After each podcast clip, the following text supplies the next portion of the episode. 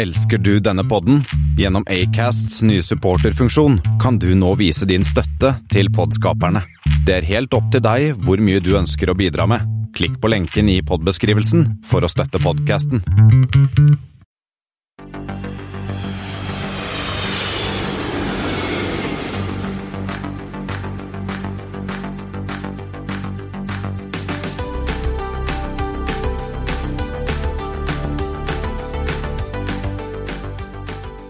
Hei og velkommen om bord på flight 46, som vi i dag enkelt og godt har kalt eh, Godt nytt år. Det har blitt 7. januar, og for første gang så innvier vi eh, treningsrommet til Espen på Hvalstad. Vi eh, Du mener Hvalstad Studios? Hvalstad Studios, ja, med en nydelig flysamling stående på veggen. Det er en imponerende samling du har, Espen. Jo, eh, takk. Etter eh, ja, sju år nedpakket i eske, eh, så fikk jeg endelig et rom som var litt stuet bort i huset, hvor den fikk lov til å komme opp. Måtte kjøpe et stort hus for, for å få lov til å ha flysamlinga di framme? Det er hele hemmeligheten. Kjøp et hus med fem soverom, og så får du lov til å ha fly i en av dem. Det er årets tips på boligfronten fra Flypodden. I dag så skal vi nerde sammen med deg i en tre kvarters tid. Vi skal se litt inn i spåkulen hva 2019 vil bringe. I tillegg skal vi snakke litt om eh, flysikkerhet, vi skal snakke litt om passasjertallene til Norwegian. Afrikanyhetene er tilbake, og eh, vi skal også en tur innom Espens eh. Med oss i dag har vi Christian Kamhaug? Espen Næss. og Thomas Lone. Og Christian, vi har jo tenkt litt, eh, og sånn som Gilman Kise nå, som har hatt en jubileumsbok i, i deres eh, 30-årsjubileum i forbindelse med det, så har de en flott tittel på det som heter 'Står du stille, blir du skutt'. Og Derfor har vi tenkt litt eh, her i Flypodden. Vi kan jo ikke stå stille, vi heller, vi må jo utvikle oss litt i 2019. Og da blir det en liten forandring på sendingene framover. Ja, vi har jo kikket litt på formatet og sånn, og vi, nå har vi jo eh, blitt at vi sitter og slarver litt om de siste nyhetene, og så går vi på et tema.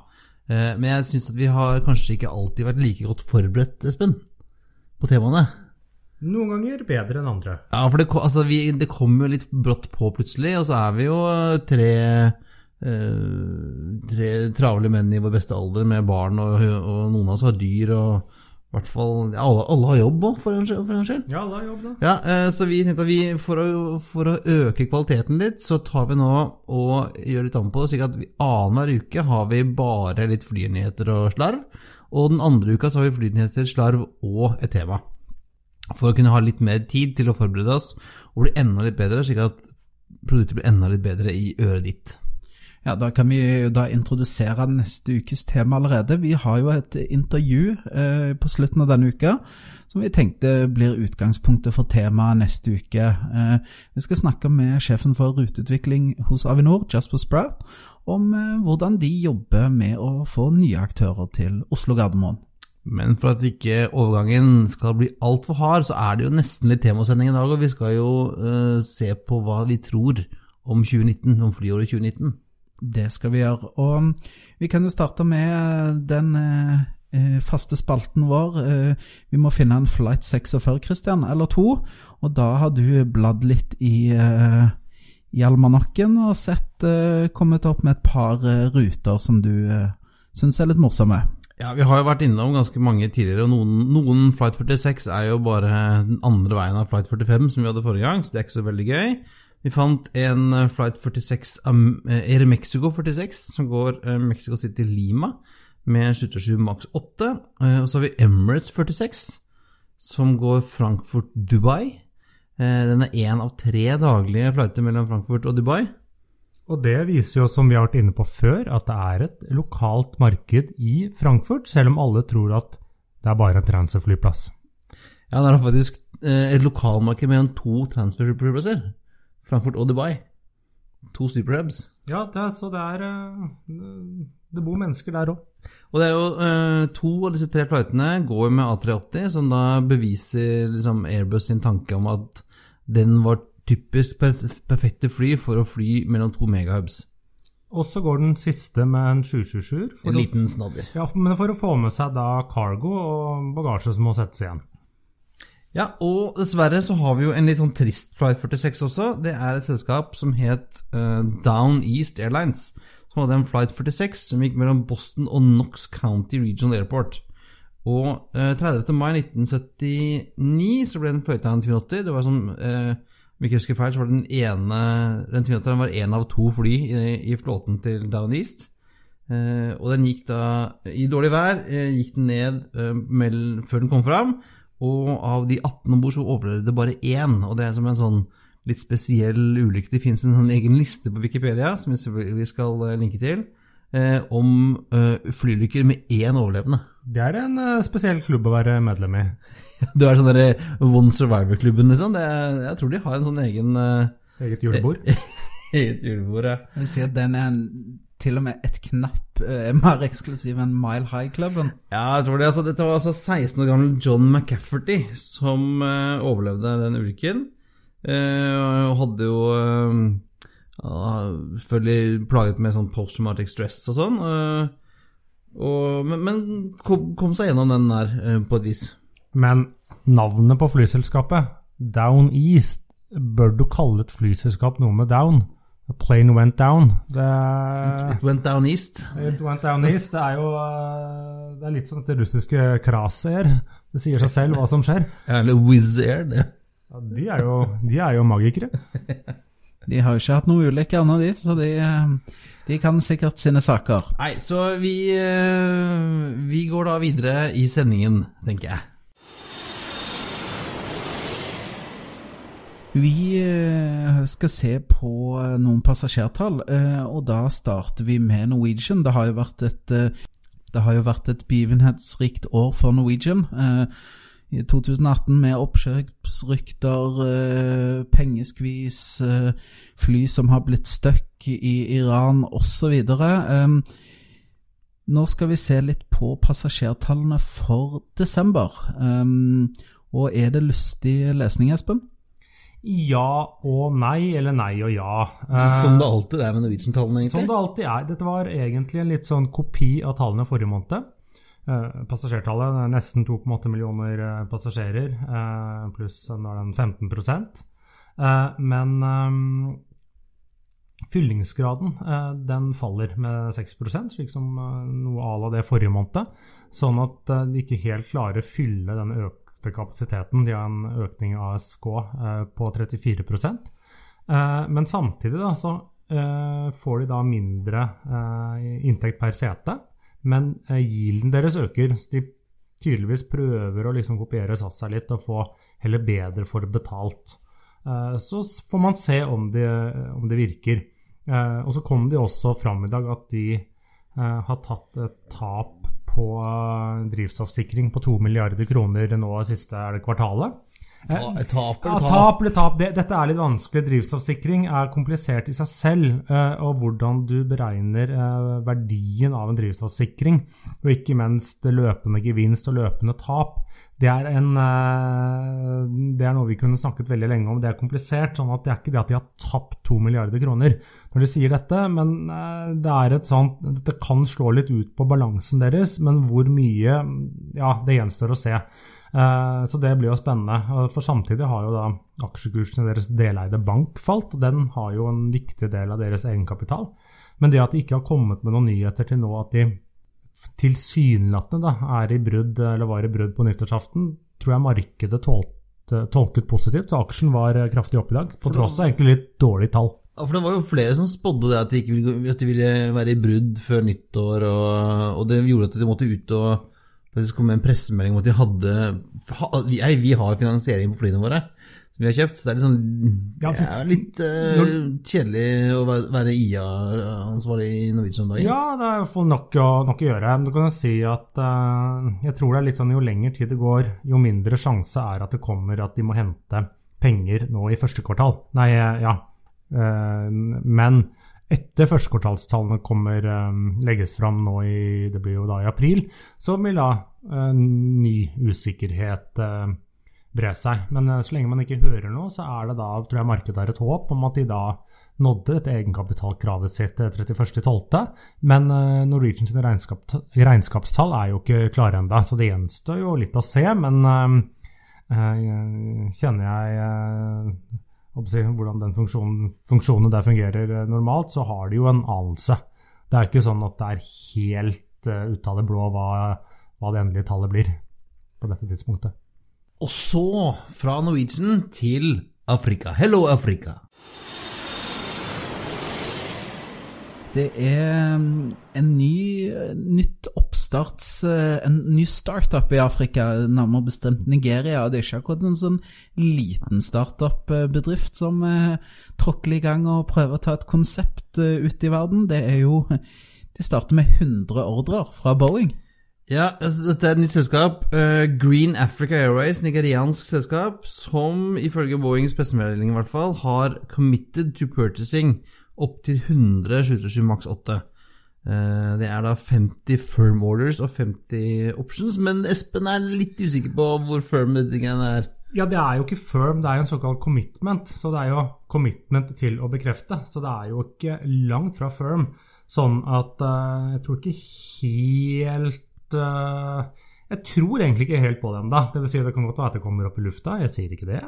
Uh, men uh, ennå så tror jeg man skal ha en viss grad av skepsis. Det er jo ikke alt i Nigeria på luftfartsfronten som har gått like bra. Det er mye som aldri har kommet seg opp i lufta. Og noe som aldri burde vært i lufta? Og noe som aldri burde vært i lufta. Sånn at det gjenstår å se. Da er dette et reelt blir dette en bestilling? Blir dette noe som tar av? Eller er det bare Boeing som har gått på et Nigeria-brev? ja, det kan være henne. Altså, det er jo uh, Han som står bak dette, dette selskapet, heter uh, Babawande Afolabi, tidligere Morgan Stanley Investment Banker, har fått med seg uh, tidligere CEO i Caribbean Airlines, Jagmona Singh som CEO, og visstnok så, så har han altså lista opp en hel masse navn også, som Tom Horton, tidligere American Airlines CEO, og et par andre folk som Vi er litt usikre på hvor, uh, hvor mye er disse gutta er med, eller er de bare Jeg plukka noen folk på LinkedIn for at det skulle se litt fett ut. Vi er litt usikre. Ja, det høres ut som et Nigeria-brev når du sier at vi har med oss Caribbean Airlines and Morgan Stanley Banker og Viva Colombia med på laget. Så, så tenk, tenker du at dette eh, lukter det litt sånn eh, dodgy business av, men eh, vi skal jo ikke forhåndsdømme noen her, så det, det, hadde jo vært moro da hvis de kom i lufta. Det er jo en stor ordre, og, både for Boeing og eh, kanskje et løft for nigeriansk luftfart. Det er jo ikke eh, Vest-Afrika generelt er jo ikke akkurat kjent for å, å, ha så god rutedekning, så hvis de får 100 fly i lufta som flyr på kryss og tvers av Afrika, så vil det jo ha mye å si for infrastrukturen i området. Ja da, og i motsetning til de forrige nigerianske flyskapet som liksom skulle starte, så har disse folka fått en nettside. Det finnes uh, mer å lese på greenafrica.com. Uh, har til og med Head of Talent Management er Princess Likai. Så det er uh, bra folk som er med i selskapet. Så vi holder uh, tommer opp og satser på suksess for Green Africa. Vi legger selvfølgelig ut en lenke til Green Africa, så skjønner de folka ingenting når de går inn på Google eh, Analytics og ser masse trafikk fra Norge. Sånn apropos Afrika. 2018 eh, Det ble et dårlig år for luftfartssikkerheten. Kanskje, kanskje ikke. Det, er jo litt sånn, det ligger jo litt bak tallene. 2017 var jo et fantastisk godt år for luftfartssikkerheten. Er dette litt svingninger, eller er det negativ trend, Espen? Eh, jeg tror det nok er eh, svingninger, hvis man ser litt sånn bak tallene. Det som først og fremst var en kraftig si, forverring når det kom til flysikkerhet i 2018, var jo antall omkomne. Eh, det var en ja, kraftig økning. Det var over 550-ish um, passasjerer som omkom i forskjellige i, uh, luftfartsulykker. Og det er jo selvsagt uh, en som omkommer, er en for mye. Men ser man litt sånn tallene bak, så var det omtrent like mange flyulykker i 2018 som 2017. men det var snakk om større fly. Man hadde bl.a. 737 Maxen i um, Indonesia. Du hadde denne 737-eren og en sånn gammel 200 borti Cuba som aldri kom seg helt, uh, helt av gårde. Og uh, det var liksom De flyene som var rammet, var uh, til gjengjeld større størrelse. da, Det hadde litt å si. Så var det litt, som du var inne på, Indonesia, Cuba, Russland. Det var liksom ikke de landene som Ja, det var land som kanskje generelt sett har litt frynsete rykte uh, flysikkerhetsmessig, da. Ja, eh, absolutt. Og du kan si i um, Nord-Amerika var det vel ingen med omkomne. Du hadde jo denne Aeromexico Embraen, men der kom vel alle seg ut. Alle kom seg ut. Eh, og så i Europa så var det jo ingen hva skal jeg si, ordinært rutetrafikk, men du hadde en, en som tydeligvis var en relativt ferdigkorrodert gammel junker som krasja i Sveits. Ja, den var vel godt over 70 år, den kjeda der. Ja, den, men den bidro til negative tall, da. Men det er jo litt sånn Ja, det er litt sånn spesielt. Ja, det er jo det er som nevnt før, da, det er jo både Nepal og Iran er jo land som melder seg på her i, i, i ulykkesstatistikken i 2018. og det er jo, Jeg tror vi kan konkludere med at flyr man innen Europa og flyr i, i Nord-Amerika, så er det ekstremt trygt fortsatt. Ja, ja, Hvis du ser liksom, tallene tilbake igjen, så er det jo selv det som VG kalte for et uh, ekstremt dårlig år. Uh, 2018 var jo altså det er jo bare altså det er jo en brøkdel av folk som ble uh, drept på som 70-80-tallet. Da datt jo fly ned i uka omtrent. Ja, spesielt da sammenlignet med uh, antall fløyne kilometer. Man må jo se litt, litt sånn på det. Sånn at trenden for flysikkerheten jo vært, er jo jevnt over bra, men så tar man jo litt år hvor det går litt opp og litt ned, Det er som trafikken. Ja. Så uh, konklusjonen er at det var ikke bra, men ikke så dårlig som VG vil si. Nei.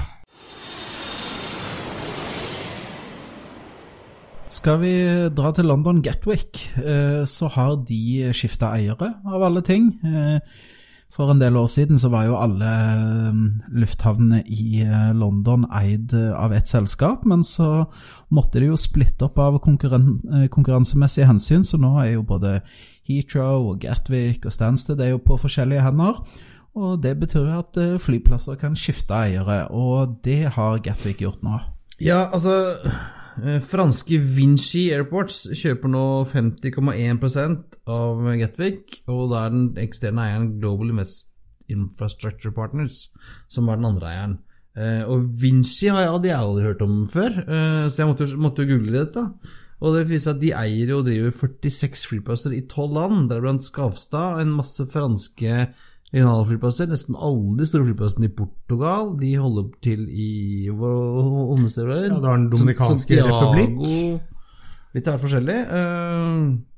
Så det er ikke noe, det er ikke noe småbutikk? Nei, her. de har til og med noen amerikanske flyplasser. Det var en av de Orlando, tror jeg det også var. Uh, så, og dette er jo et stort selskap, og du kan si at dette som overtar det, er jo liksom flyplassdivisjonen til denne Vinci, dette franske selskapet, som er jo et gigaselskap med jeg tror Ifølge Wikipedia så hadde de nærmere 300 000 ansatte. Jeg driver mye, mye annet òg, så det er jo et stort selskap. Ja, det, og det er jo litt rart, Espen, at vi er jo vant her i Norden, kanskje i Norge og Sverige og Danmark, å og kjenner de store selskapene. Og, og, vi tror jo at vi har ganske god koll på litt sånn store selskaper i utlandet òg. Men dette var et selskap som var helt nytt for oss, og de har jo hele 40 milliarder euro i omsetning i, i, i 2017, så det er jo ikke akkurat et, en liten sånn bakgårdsbutikk, dette her. Nei, det er flere sånne, kan vi si lignende, lignende selskaper. Man ser dem både i Italia, men spesielt da Frankrike og Spania, som er selskaper du kanskje ikke hører om så mye her, for de har sin fokus i Sør-Europa, men som er gigantiske selskaper. og eh, gjerne større enn hva vi har av, store selskaper i Norge når det kommer til eh, ansatte, eh, i hvert fall. litt avhengig av bransje, da, hva omsetningen er. Men dette er dette er store, gigantiske selskaper, og ikke noe sånn eh, liten investorselskap man aldri har hørt om før. Ja, det er jo, og De er kjempestore innenfor all mulig infrastruktur. De eier veier og broer og, og energiselskapet. De er jo ordentlig svære greier. Ja da. Altså, dette er eh, en stor eier som har tatt over. Så blir det spennende å se om de tar noen grep på Gatwick, eller om de egentlig bare utvikler det sakte, men sikkert videre som det er. Kjøpe noe antidroneopplegg, kanskje? Ja, det, Hvis det var noen droner, da. det strides jo de lærde om, om det var droner eller ikke var droner. ja. Nei, men det, det er interessant å se liksom hvordan eh, I Norge er det jo Avinor som eier alle, bortsett fra liksom Lista og Torp og den der himmelske fredsplass borte i Østfold.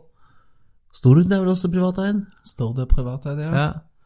Um, så og, Hvor lenge skal liksom Avinor sitte og eie flyplass, alle flyplassene? Vet ikke. Det er kanskje de selge noen? Kanskje Vinci kjøper Gardermoen? I don't know. Det kunne vært interessant. Se.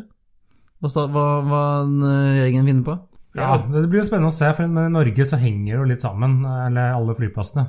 Gatwick er en flyplass som drives for seg selv alene, mens for Gatwick eh, Man bruker jo ikke inntektene fra Gatwick til å betale driften av flyplasser på Shetland.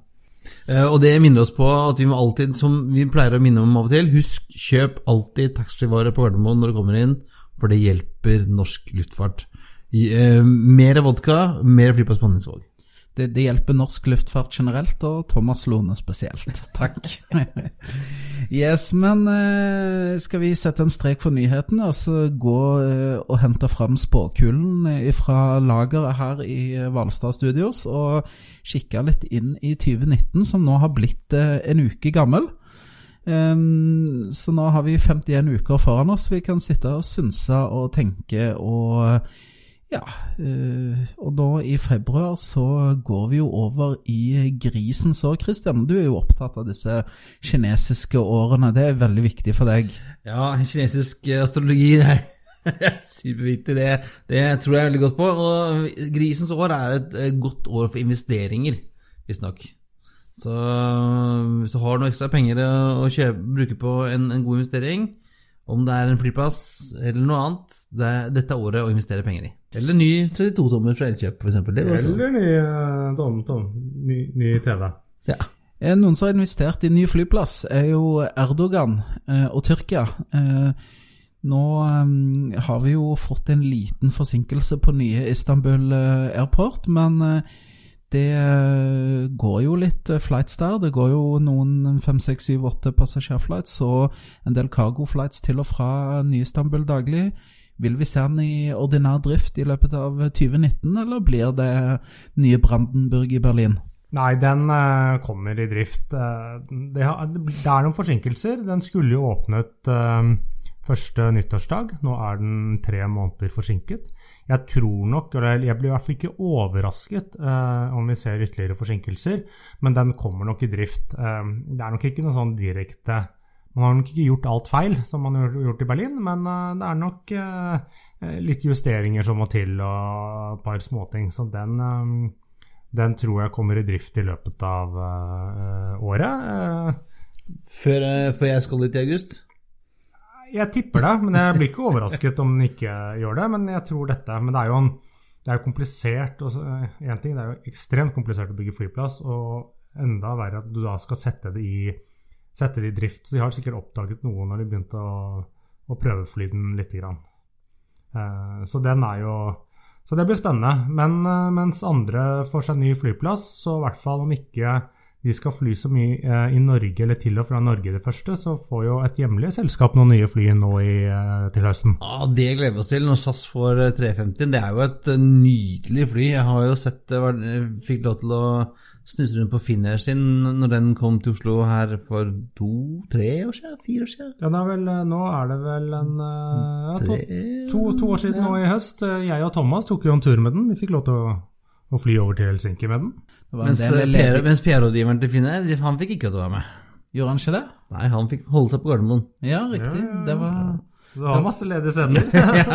Ja, men altså SAS eh, sine kommer, og eh, jeg fikk så noe i dag om at uh, trolig så kommer han til å kjøre 333-config i Economy. Men det gjør alle med Airbus A350, så det er jo ikke akkurat noe det er jo litt trist. Jeg, er veldig, jeg liker veldig godt de der to, to setene på sida på 340 og 330. Ja, de, du først skal fly Economy, de Economy-settene der er veldig fin å ha en sånn uh, tosetter.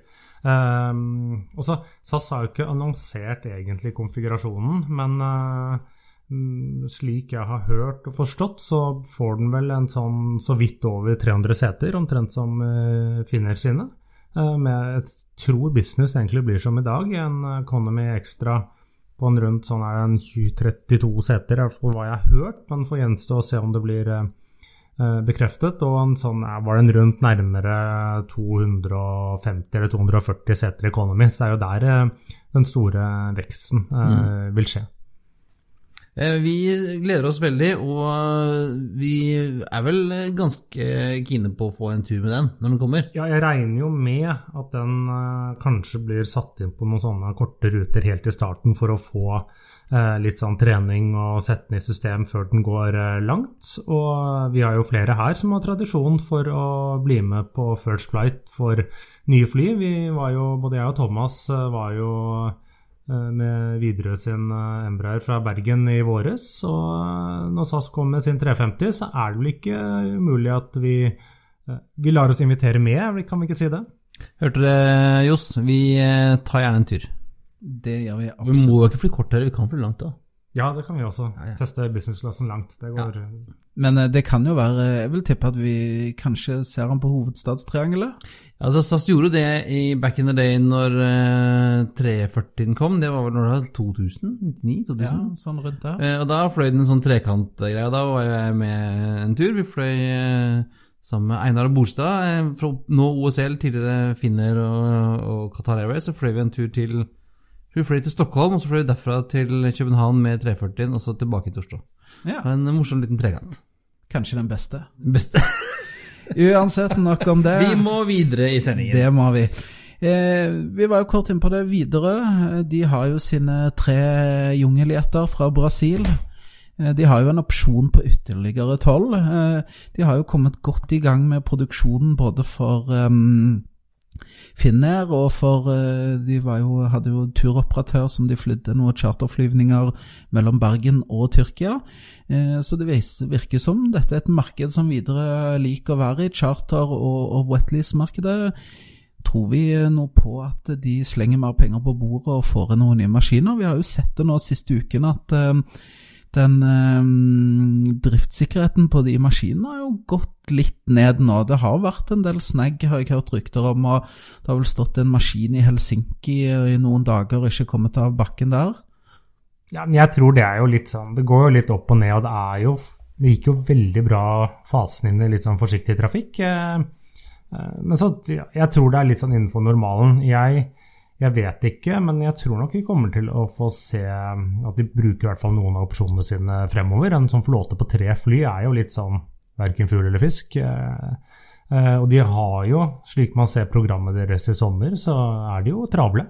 De vil jo ha brukt mye, bl.a. mye charter, eh, på litt, kanskje litt mindre ruter, hvor da liksom Thomas Cook sine fly er altfor store.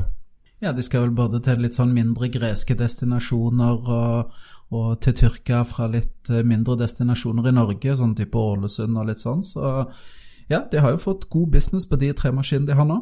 Ja, og, men så kommer det an på når skal de liksom ta denne beslutningen om eh, hva de skal gjøre. Det er den som er spennende. Og det er jo ikke sånn at eh, bestiller du et nytt fly, så er jo ikke det noe du får levert dagen etter. Så dette jo, tar jo fort et år minst, om ikke mer. Jeg vet ikke hva opsjonene deres sier, men så det er jo noe som, eh, noe som må planlegges. og Derfor kanskje man får en eh, ny eller håper da, man får en ny ordre i år med en levering i 2020. Og Vi ser jo det også at Embraer har fått eh, gang på, på leveransene. De har jo sendt noen maskiner til eh, Kasakhstan vel nå, var vel neste ut etter Widerøe. Eh, så på LinkedIn han ene fra Pratt Whitney eh, som vi ble kjent med på den First Flighten. Han, eh, etter å ha vært eh, noen måneder i Norge, så skulle han nå være noen måneder i Kasakhstan for å følge opp eh, flyvningene der. Så eh, det er litt av en jobb. Ja, spennende, spennende. Um, og det, er, det, vil vel Vi kan vel kanskje si at vi tror kanskje at 2019 så vil folk kunne reise enda litt mer, eller, eller vi det, Espen? For det var jo økonomi det- det går jo ganske bra i Norge. Folk har bra økonomi. Eh, men vi har jo ikke mer enn fem ferieuker. Nei, det er det jeg tror. Jeg tror ikke Det er det man ser på trafikktallene nå, er jo at den si, norske trafikken egentlig ikke øker. Eh, trafikken på norske flyplasser øker, eh, men det er jo utlendingene som står for den eh, veksten, ifølge Avinor. Eh, sånn at ja, jeg tror eh, om økonomien blir litt bedre eller litt dårligere, jeg tror ikke det har noe å si. Jeg tror at vi i Norge nå liksom har nådd, nådd et, på en måte et slags metningspunkt. Det betyr ikke at man er lei av å reise, men det betyr at man liksom opprettholder det nivået man har. Det er som sagt, Man har jo ikke mer eh, fri enn man har. Eh, og om økonomien bedrer seg lite grann, så betyr ikke det at man nødvendigvis får råd til å reise veldig mye mer av den grunn. Eh, så det, det, blir jo, det blir jo spennende å se, men jeg tror nok den blir ganske flat. Og så blir det jo spennende å se hva da denne, disse nye avgiftene eller bortfallet, eller om det har noe å si. Blant annet svenskene tar jo nå noen grep. Ja, Flyseteavgiften i Sverige blir jo borte. De har jo ikke regjering, men budsjett har de visst. Ja, slik jeg har forstått det, så klarte de å lage et budsjett som uh, den liksom-regjeringen de har nå, egentlig ikke var enig i. Men det betyr at deres sånn flyseteavgift forsvinner fra 1.7. Uh, jeg tror ikke da det norske vil forsvinne. Den virker egentlig være litt sånn småsatt. Det gjøres jo noen sånne småjusteringer nå. Ja, altså Pengene går, renner jo inn, og folk har jo ikke reist noe særlig mindre heller. Nei, det viste seg, i, i motsetning til Sverige, hvor passasjertallene falt, så spilte det ikke noen rolle for nordmenn. Eh, altså stinking rich, så, altså 80 kroner til, Pff, hva betyr det? Så, det jo, men øh, flyselskapene har jo klaget, for det er gjerne de egentlig som fikk denne avgiften. og Spesielt har jo det gått utover uh, litt sånn marginale ruter, og da spesielt da Widerøe har jo vært mest høylytte, så de har jo nå fått en Ja, for det var Finansdepartementet kom, eller Samferdselsdepartementet kom opp med en sånn uh, rar løsning? Ja, de har nå foreslått, eller sendt ut på høring, at man skal få en uh, såkalt en slags vektrabatt i flyavgiften. Ikke denne flypassasjeravgiften som er så mye omtalt, men den mer generelle avgiften for å fly, som alltid har vært der. Ja. Uh, slik at de første av det seks tonnene av flyselskap flyet blir uh, blir gratis. Eh, og det har jo mye å si for da, en Dash 8 som veier ja, snaue 20 tonn. Og da kan du risikere å få en avgiftsreduksjon på en 30-40% mens det blir noe mindre på de større flyene.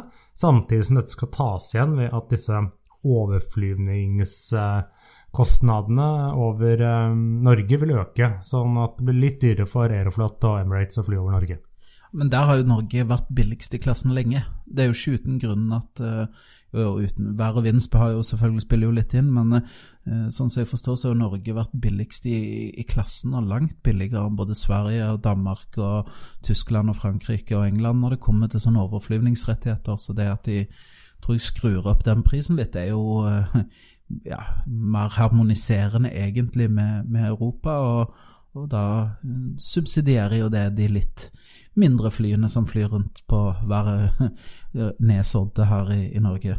Ja, jeg tolket i hvert fall liksom Widerøes reaksjon, at dette kanskje gjør at de da slipper å måtte kutte litt i det kommersielle tilbudet som det var snakk om. Ja, for de nevnte jo det i uh, november her. Uh, og, og, også når vi var på Politeknisk forening, så var jo, var jo, Sten Nilsen ganske klar på at kuttene kom til å skje allerede i januar.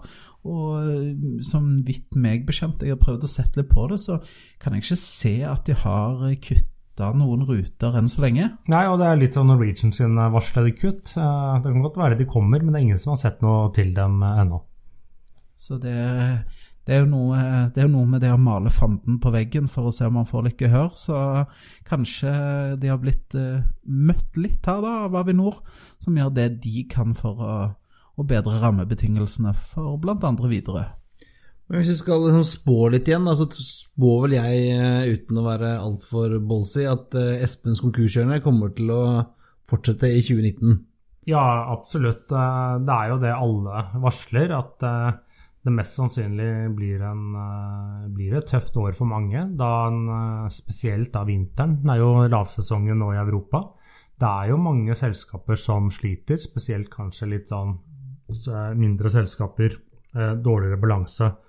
Eh, jeg føler det er ganske åpent hvem det kan være. Man har jo kanskje noen Uh, Flyby er vel uh, nei, er bare, sånn... nei, de har bare lagt ut for salg. De er sånn som tror jeg klarer ja, å De har jo aldri, har ikke gått bra for dem lenge. Nei, men de er sånn som klarer å halte scenen med et år til. Uh, men det blir, det blir, spennende å se hvem som sliter, og definitivt er det nok flere enn Norwegian som jeg tipper eh, må ha påfyll av penger i kassa. Så har du jo altså det, de har ikke, Vi har ikke snakket så mye om det, men du har disse store eh, turoperatørselskapene som altså TUI og Thomas Cook, som jo har sett ganske store deler av deres europeiske markeder som blir spist opp av low cost carriers. Eh, og det finnes jo ikke Det finnes jo knapt noen eh, chartertur til Spania lenger. Det er jo bare til Kanariøyene og Asia liksom, igjen, igjen, hvis du tenker liksom Ving og, og Startur. Og det, de merker jo at, de, at, det, at det blir spist. Ja, men samtidig så har jo de, tror jeg, litt sånn funnet sin nisje. Eller, og liksom tatt disse grepene. Ja, du sier det går ikke charterfly til fastlands-Spania lenger. Men de har jo disse middelhavsøyene, enten det er i Hellas, Mallorca, Kanariøyene, eh, også lang, med lange ruter om, eh, om vinteren. Så de har tatt disse, disse grepene og spisset inn markedet. Og så la jo TUI la jo ned basene, alle andre baser enn Arlanda og København, vel? Ja, det, i, i Norden de har rett og slett tatt litt sånne grep at de må enten ha et visst volum, eller så må de andre stå for flyvninger. Det er ikke, her har ikke flyvningene forsvunnet. det er jo, Blant annet her i Norge er det jo vel Norwegian som har tatt over. Det er Jettime i Danmark. Eh, sånn at det er liksom litt sånn farge på flyet som har endret seg. Jeg tror kanskje vi ser mye som, som SAS og andre har gjort, at man skal konsentrere seg om kjernevirksomheten. Og, og, det er jo det som på en måte man kan si TUI eller Startur og, og Ving alle disse, de skal jo tilby på en måte en sånn feriepakke.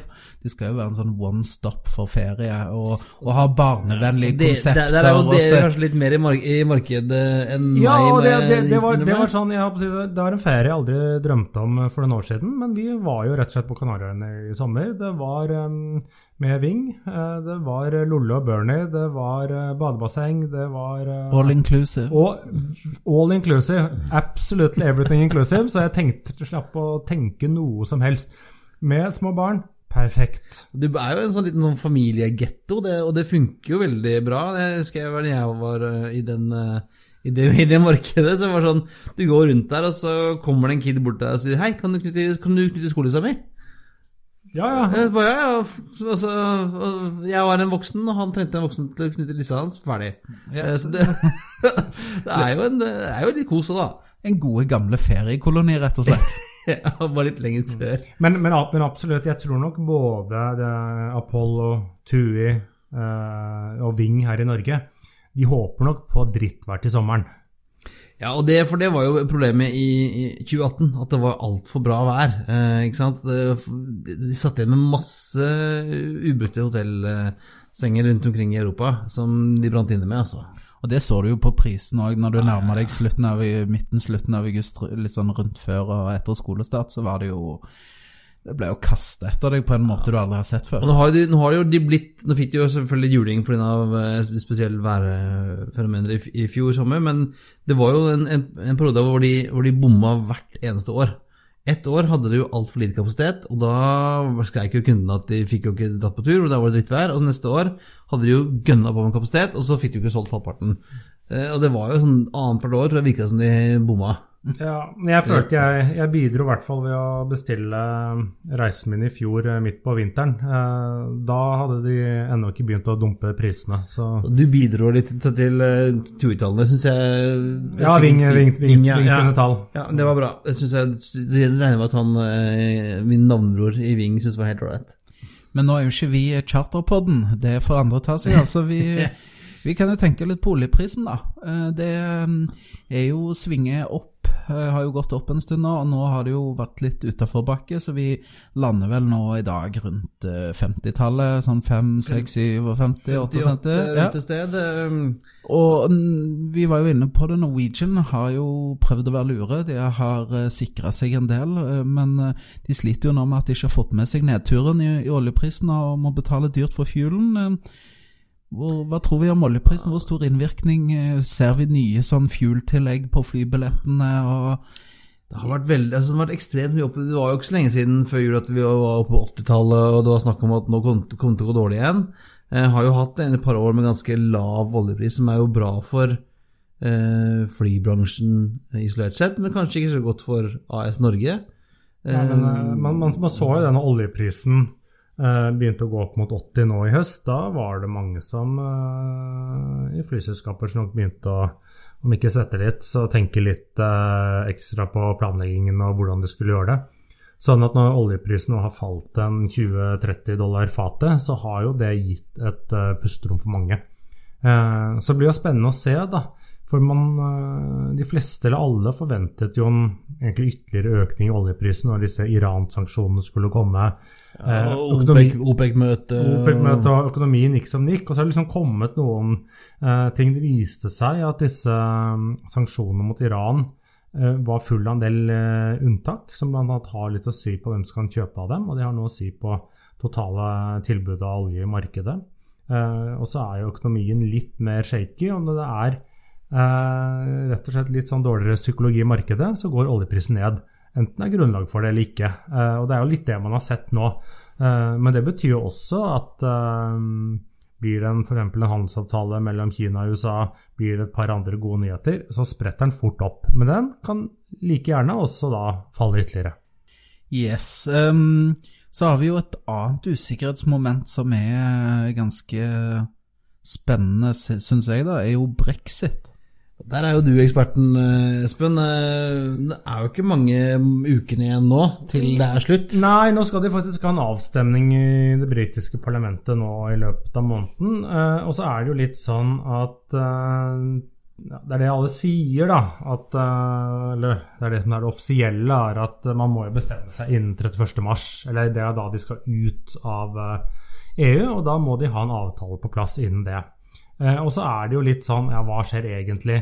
Eh, så, man, så man vet da at uh, frister de kan alltid utsettes. Uh, Og så er det ikke noe med det at luftfarten er unntatt det første året etter brexit, eller at det er noe man, man, Det er ingen som vet hva som egentlig skjer. Da, men både EU og Storbritannia er jo liksom enige at Eller har liksom snakket om at selv om det ikke blir noen avtale, kanskje man får på plass et eller annet for luftfarten. For det er jo litt sånn worst case, worst case, at hvis det ikke blir en avtale, de går ut, så kan man risikere at det ikke går fly eh, mellom Storbritannia og EU. Eh, flydeler som er laget i EU blir plutselig ikke gyldige, eller sertifikater fra derfra er ikke gyldige. Eh, så det blir jo veldig spennende. Jeg tror ikke det blir så ille, eh, men alt dette skaper jo litt eh, utfordringer og problemer for eh, operatørene. For det er jo, de vet jo rett og slett ikke hva som eh, vil skje. Det er mye god mat for advokater, det der. Men det, det, det er i hvert fall helt sikkert. det er helt sikkert. Uh, og på andre siden av Atlante, nei, jeg, andre siden av engelske kanal, uh, i juni så har vi jo Paris Airshow. Det skjer jo nå i odde, oddetall. Eh, og det er vel mye som tyder på at eh, Boeing kommer til å, å lansere eh, New Middle of the Market Aircraft, eller eh, 797, eh, i juni. Ryktene sier det, fra mange kilder nå, sier at den, kommer til å komme nå.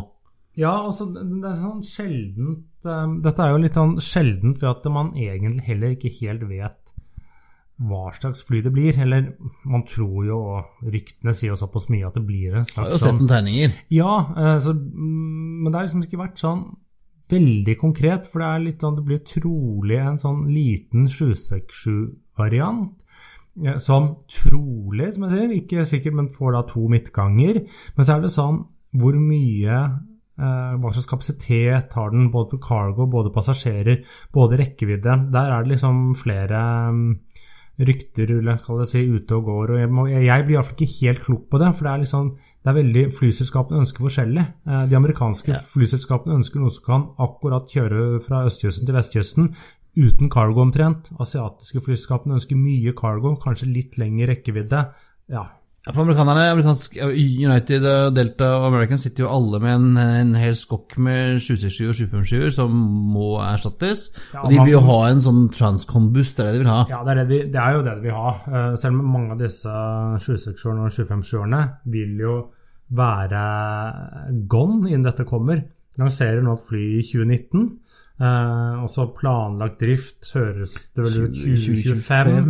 Det er veldig mange som ikke tror på det. En, Og ikke nytt, minst- og et nytt fly blir alltid forsinket. Og ikke minst er det største problemet er jo motorer.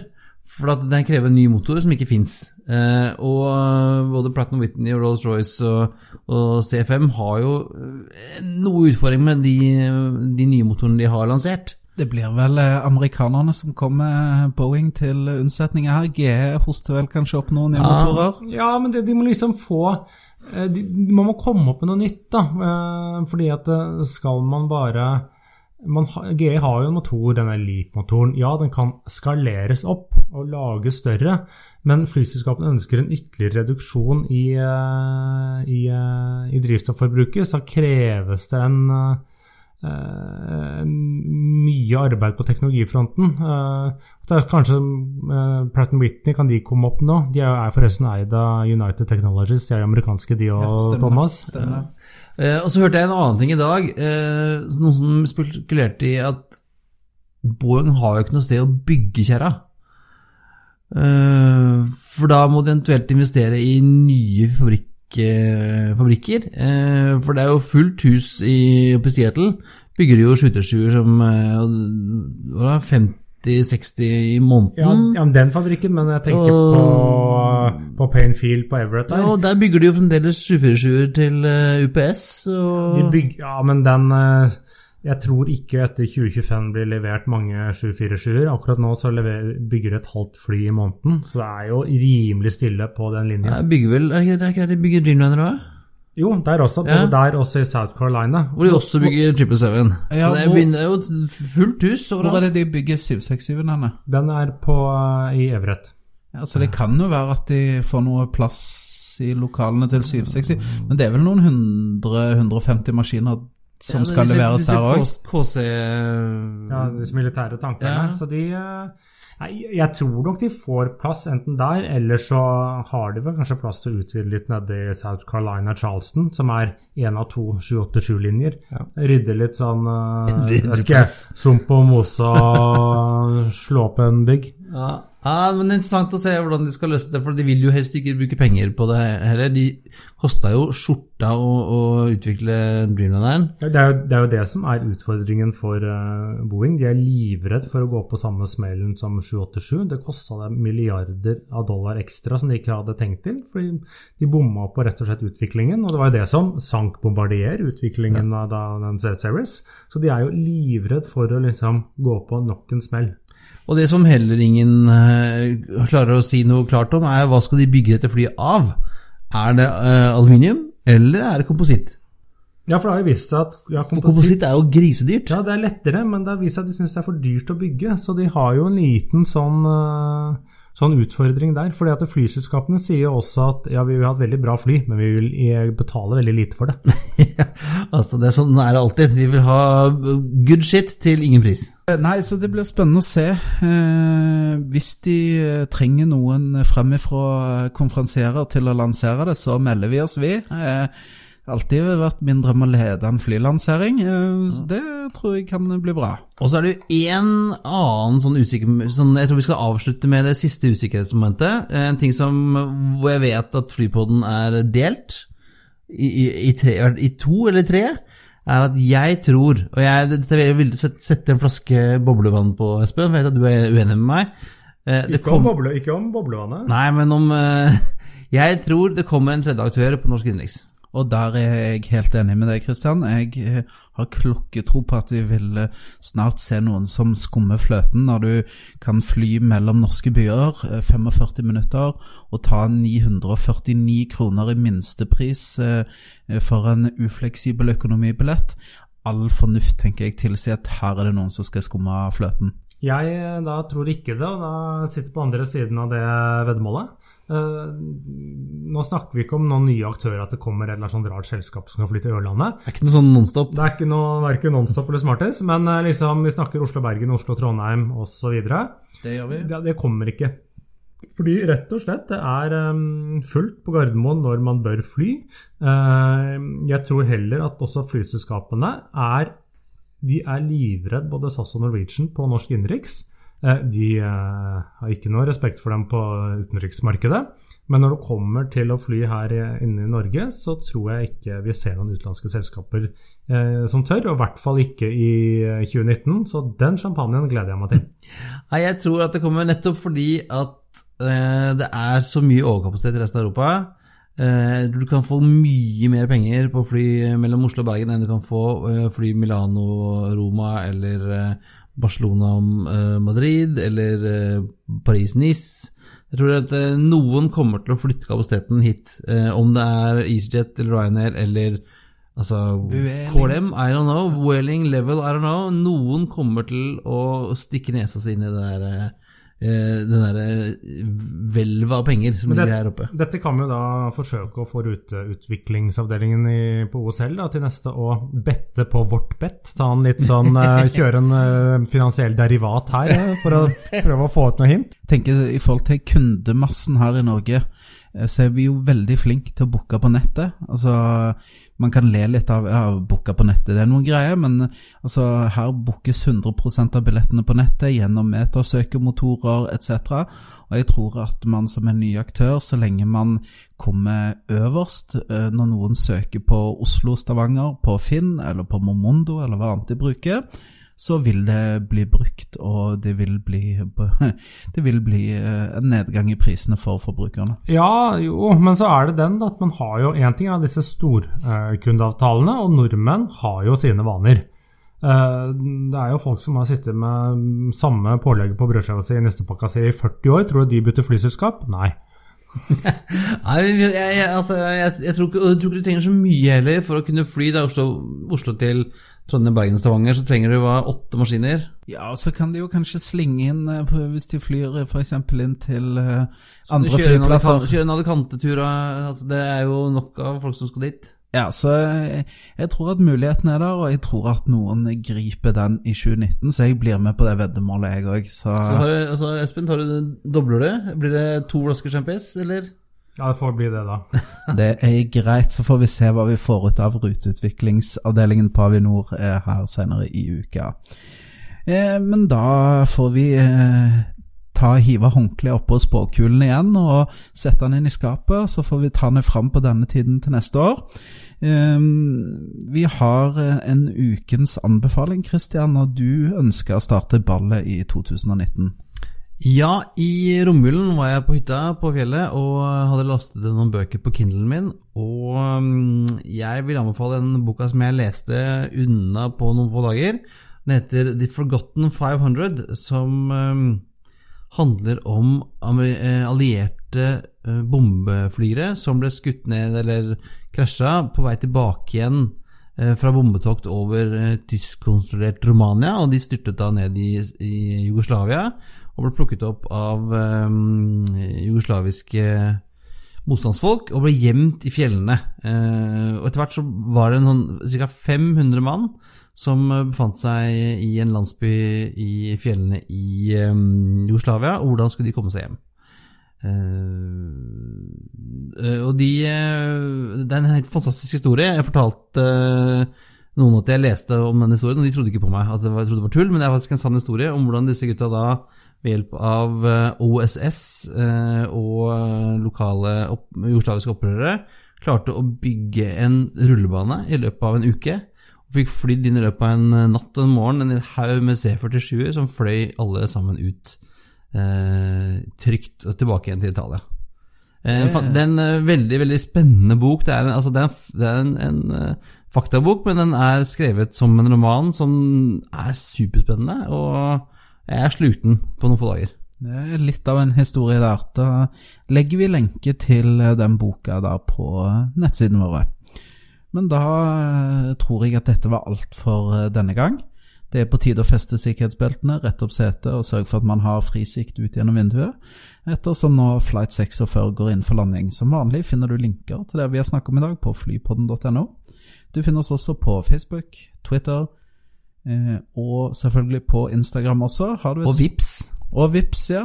Har du et spørsmål, vil du invitere oss på flytur, ønsker du å sponse oss, har du ris, ros, spørsmål etc., uansett hva det er, ta kontakt med oss på hallo.flypodden.no.